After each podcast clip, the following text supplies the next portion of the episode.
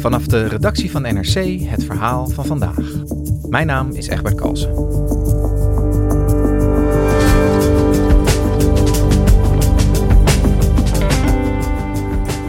Zeventig jaar geleden vond de watersnoodramp plaats. De grootste natuurramp die Nederland in de 20e eeuw zou kennen. Het Deltaplan moest het land voortaan beschermen, vertelt journalist Mandula van den Berg. Maar door klimaatverandering wordt Nederland opnieuw gedwongen om na te denken over zijn verhouding met het water.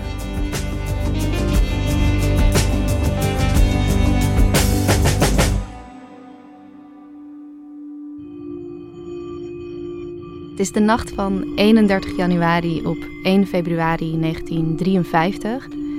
En op de Noordzee woedt een onwijs zware storm, echt een orkaan. Vanuit het noordwesten komt die aangeraast en die beukt tegen de dijken. Henk den Boer was toen 12 jaar oud en hij woonde op Schouwen-Duiveland in Zeeland. De pannen die klapperden op het dak en uh, het was net of er een uh, auto met een uh, zware motor voorbij reed. Zo hard, heel hard geluid. Zware storm die ook nog eens samenviel met springtij, een abnormaal hoge waterstand. En dat zorgde er samen voor dat die nacht de grootste Nederlandse natuurramp van de 20e eeuw plaatsvond. Het heeft heel lang in mijn hoofd gezeten dat uh, ononderbroken de kerkklok luidde. Op al die dorpen was dat, hè? Ja, van de ramp. Van dat de dijken doorgebroken waren. De dijken braken op meer dan 150 plaatsen en overal stroomde de Noordzee het land in. Dat was in Zeeland, maar was ook in Brabant, Zuid-Holland en zelfs op Texel overstroomde delen. Je moet je ook voorstellen, het was echt een andere tijd. Dus de radioverbindingen vielen weg. Het land was in totaal duister gehuld. De mensen waren die nacht gaan slapen met een stormwaarschuwing maar niemand wist dat het zo erg zou worden. En het resultaat was dat mensen wakker werden of van de noodklokken of van hun buren die op hun deur bonsten en geen idee hadden wat er aan de hand was. Of ze moesten vluchten, welke kant ze op moesten vluchten. En de stemmen die je hoort van mensen die roepen en uh, in combinatie met die storm, wat ook veel lawaai was, uh, is dat toch wel uh, lang blijven hangen hoor. En in dat informatievacuum stapte eigenlijk als een van de eerste zendamateurs. Dus mensen die hobbyradio maakten en daarmee gewoon noodoproepen de ether in begonnen te zenden. In de hoop dat iemand dat op zou pikken en dat iemand zou weten wat er aan de hand was. Hier PNLOQ, hier PNLOQ. Ik kan u goed ontvangen ook man, ik kan u goed ontvangen hier, SPNL, WZ, uh, GRE, die luisteren. De zendamateurs hebben ook in de dagen daarna een grote rol gespeeld, ook bij de evacuatie van uh, meer dan 72.000 mensen, bij het coördineren van de noodhulp. Overste Pino zal trachten nog voor donker hulp te bieden met helikopters. Uiteindelijk zijn er 1836 mensen omgekomen. Tienduizenden dieren en meer dan 4000 mensen raakten hun huis kwijt. En als je dat je beseft, hoe enorm deze ramp was, hoe verwoestend het was, ja, dan begrijp je ook dat er daarna altijd gezegd is: dit mag nooit meer gebeuren. En tegelijkertijd, nu met klimaatverandering, kunnen we er eigenlijk niet omheen dat dit wel iets is wat boven ons hangt. Um, en in die zin is het verhaal van de watersnoodramp van 1953 een waarschuwing.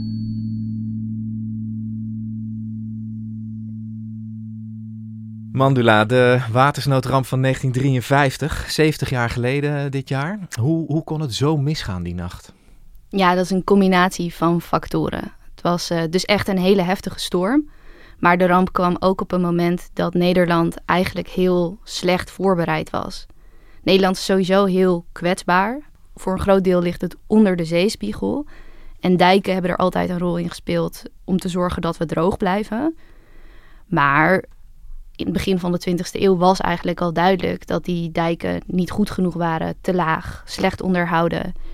En je moet je bedenken, in 1953 was maar een paar jaar daarvoor eigenlijk de Tweede Wereldoorlog afgelopen. Nederland lag in puin en de politieke prioriteit lag niet bij die lage dijken in Zeeland. Want niemand wist wanneer dat mis zou gaan, terwijl er heel duidelijk op andere plekken actie nodig was. Dus mede daarom werd er ook niet geluisterd naar mensen die waarschuwden over, uh, over het gevaar. Ja, met verwoestende gevolgen mogen we wel zeggen. Duizenden mensen die hun huis kwijtraakten en uh, meer dan 1800 mensen die overleden. Hoe is Nederland hiermee omgegaan? Nou, in eerste instantie kwam er een enorme golf van verschillende soorten reddingsacties op gang. Vanuit het hele land schoten mensen te hulp um, om mensen uit het water te halen, om te zorgen dat er opvang geregeld werd. Overal zijn de reddings- en hulpacties, ook uit het buitenland, in volle gang. Men maakt grote haast omdat bij elk opkomen van de vloed de toestand opnieuw kritiek kan worden. Alle beschikbare hulpkrachten, zowel militairen als burgers, zijn opgeroepen. Ze evacueren mensen en vee, brengen goederen aan, trachten dijken te dichten of te behouden en helpen waar mogelijk op allerlei manieren.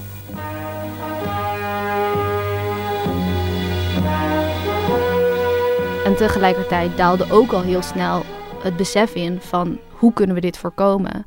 Zo kwetsbaar zijn we dus. En de daadkracht die voor de ramp ontbroken had, was er nu volop. En dus werd al op 18 februari, dus iets meer dan twee weken na de ramp zelf, werd de Delta-commissie in het leven geroepen. Samen met allemaal bouwkundigen, een landbouwkundige, een econoom, gingen ze kijken van wat is er voor nodig om een nieuwe ramp te voorkomen. En het resultaat daarvan was revolutionair. Een waterbouwkundig plan van ongekende proporties om de zee in te dammen. Het Deltaplan. Ja, dat, uh, dat kennen we allemaal wel. Ik ging vroeger vaak in Zeeland op vakantie en wij gingen uh, bij Neeltje Jans kijken hoe het vorderde met, uh, met de aanleg van die deltawerken. Kan jij eens vertellen wat dat plan precies behelste? Wat was de bedoeling daarvan? Ja, de bedoeling van het deltaplan was eigenlijk het beschermen van Nederland. En dat zat in, in twee dingen. Dus dat is het wel het verhogen en versterken van de dijken, maar ook het totaal transformeren van de Nederlandse kustlijn. En uh, dat hebben ze gedaan. Dus ze hebben een grillige kustlijn van uh, 700 kilometer veranderd in een rechte kustlijn eigenlijk. Dus je moet je voorstellen, als je de kaart van Nederland voor je ziet, bij Zeeland heb je al die zeearmen en kreken die het land ingaan. Dat was allemaal de kustlijn, want daar kon de zee allemaal uh, bij.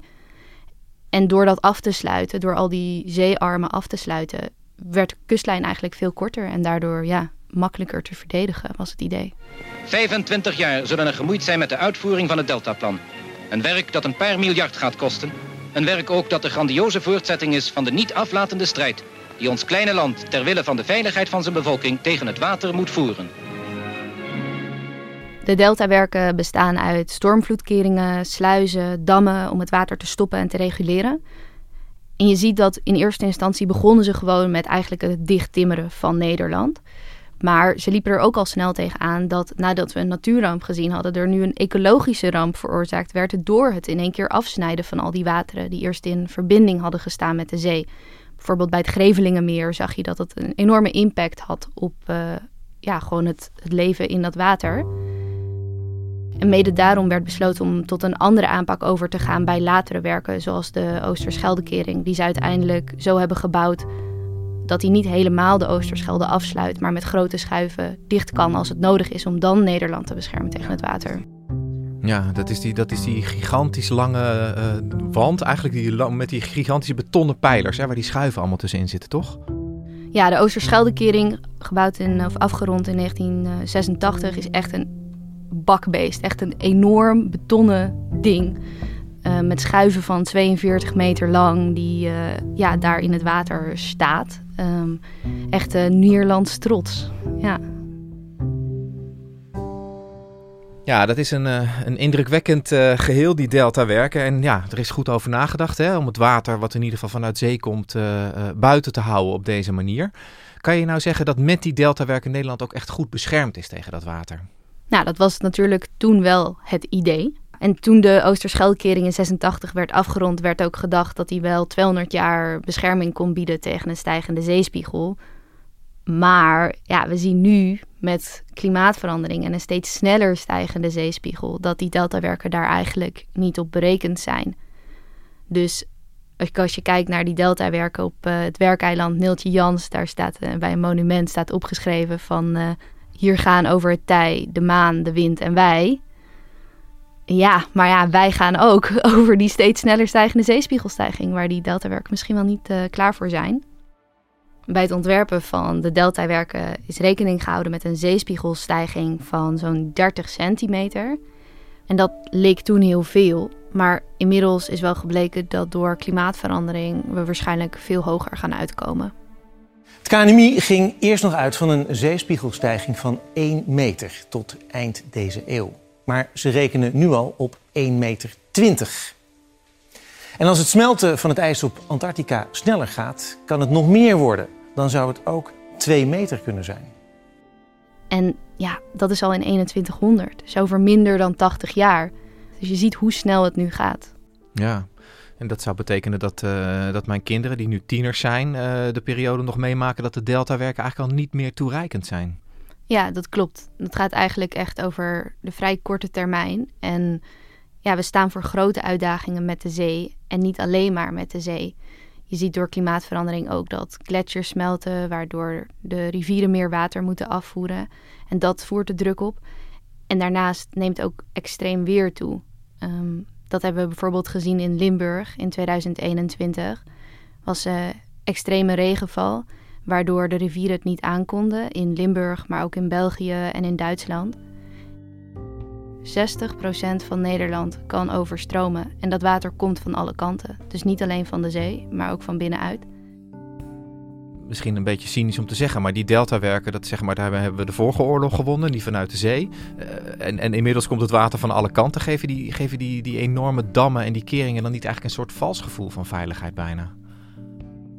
Nou, het is in elk geval heel belangrijk, denk ik, om ons te realiseren dat er heel veel verschillende soorten risico's tegelijkertijd als een soort cocktail op ons afkomen. En dat gaat over te veel water.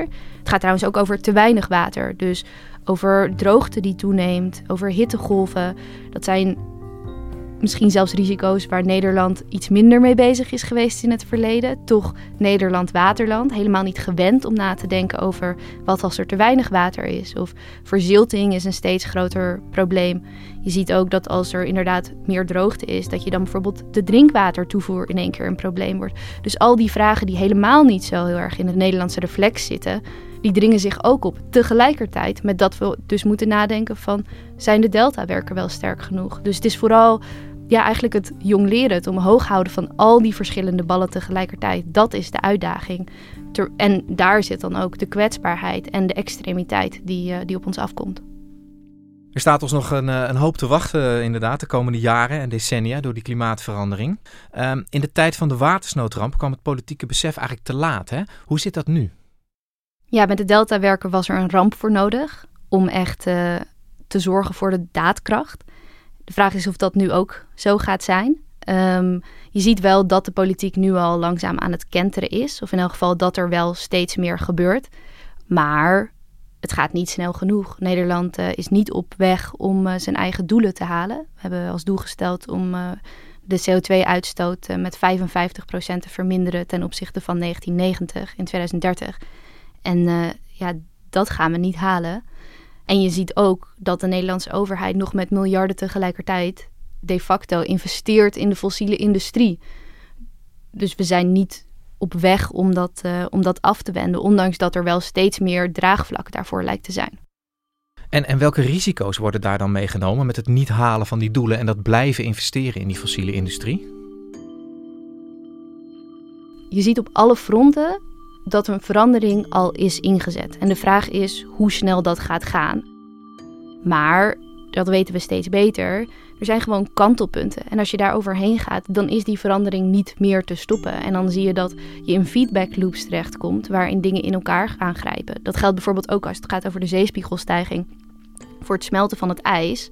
Een van de manieren waarop dat in een soort zichzelf versterkende cirkel terechtkomt, is omdat het ijs weerkaatst zonlicht. Als het minder ijs is, wordt er minder zonlicht weerkaatst, waardoor het warmer wordt, waardoor er meer ijs smelt, et cetera, et cetera. Dus op die manier zijn heel veel van dat soort hele complexe systemen grijpen in elkaar. En dat is ook direct de reden dat niemand precies weet wat er gaat gebeuren. Omdat dat gewoon niet te voorspellen is hoe dat allemaal in elkaar gaat grijpen. Maar dat het in elkaar grijpt en dat het aan het kantelen is, dat staat wel vast. Ja, we weten het inderdaad eigenlijk allemaal wel. En we weten volgens mij ook best wel wat we er tegen zouden moeten doen, toch? Ja, uiteindelijk is het antwoord de uitstoot naar beneden. Dus zorgen dat die snelheid afneemt, zodat we tijd hebben om ons voor te bereiden en uiteindelijk om, ook om de extreemste scenario's uh, te vermijden. En dat dat kan, dat hebben we ook al wel gezien. Bijvoorbeeld met het gat in de ozonlaag, wat heel lang een grote crisis was. Dat werd veroorzaakt voornamelijk door CFK-stoffen die uit spuitbussen en uh, koelkasten kwamen. En eind jaren tachtig hebben ze besloten om dat te verbieden. En nu zie je dat dat gat gewoon weer aan het krimpen is. Dus je ziet, het kan ook omslaan en ook de goede kant op. Maar ja, daar is dan wel dus die politieke draagkracht uh, voor nodig. En ja, die daadkracht die was er na 53 en die is ook nu nodig. Maar je moet je ook bedenken, er zijn ook echt grote politieke, bijna existentiële vragen voor Nederland. We zijn nu het land met de best beschermde delta ter wereld. Maar de vraag is ook, ja, hoe houden we dat zo? Ga je dan voor een meer offensieve strategie, dus richting de zee? Um, timmer je het helemaal dicht? Steeds hogere dijken, steeds zwaardere pompen. Ga je zelfs nadenken over dingen als een extra kustlijn? Er wordt echt aan alle kanten nagedacht. Maar er is ook denk ik steeds meer de vraag die zich opdringt van... loop je dan niet ook tegen de grenzen van de maakbaarheid aan? En daarmee komt dan die vraag van... moet je niet gaan meebewegen met het water? Dus niet alleen maar vechten tegen het water, maar ermee samenwerken... En ja, wat betekent dat dan? Ga je dan uiteindelijk delen van Nederland teruggeven aan de zee op de hele lange termijn? En dan bijvoorbeeld met drijvende steden werken, dat soort scenario's, dat wordt langzaam verkend. Dus ik denk ook dat het niet voor niets is dat er over de klimaatcrisis wel eens gesproken wordt als een crisis van de verbeelding. Dat zie je ook in dit soort eigenlijk hele technische vraagstukken. Dat je toch moet oprekken van op welke manier kijk je daarnaar? Is het een technisch vraagstuk? Is het een ruimtelijk vraagstuk? Is het een politiek vraagstuk? Dat komt allemaal samen ook in dit soort hele concrete vragen. Ja, en als we daar allemaal niet over nadenken de komende maanden en jaren, dat water, dat komt er natuurlijk gewoon vanzelf aan op een gegeven moment. Ja, we zullen moeten blijven investeren en tegelijkertijd ook echt radicaal nadenken over alle andere manieren waarop we ons leven moeten aanpassen. Want 1953 was dan wel geen klimaatramp, maar het was extreem weer met verwoestende gevolgen. En het was een les, denk ik. En moet ook een wake-up call zijn en een waarschuwing blijven. En uh, ja, ik denk dat ze dat nergens zo goed uh, nog steeds voelen als in Zeeland. Ik maak me wel uh, zorgen over het feit dat het waterpeil stijgt, ja. De realiteit dat het zomaar kan gebeuren, dat het op zo'n klein gebied 1800 mensen verdrinken. Dat is. Dat weet ik wel zeker, dat kan weer gebeuren. Dat, dat is nog niet over. Dat kan weer gebeuren.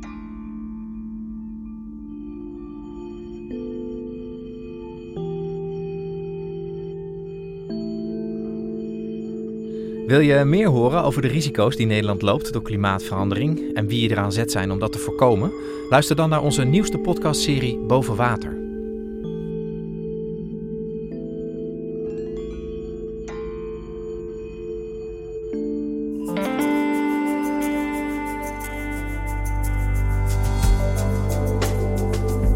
Je luisterde naar vandaag, een podcast van NRC. Eén verhaal, elke dag. Deze aflevering werd gemaakt door Mila Marie Bleeksma, Iris Verhulstonk en Stef Visjager. Coördinatie Henk Ruigrok van der Werven.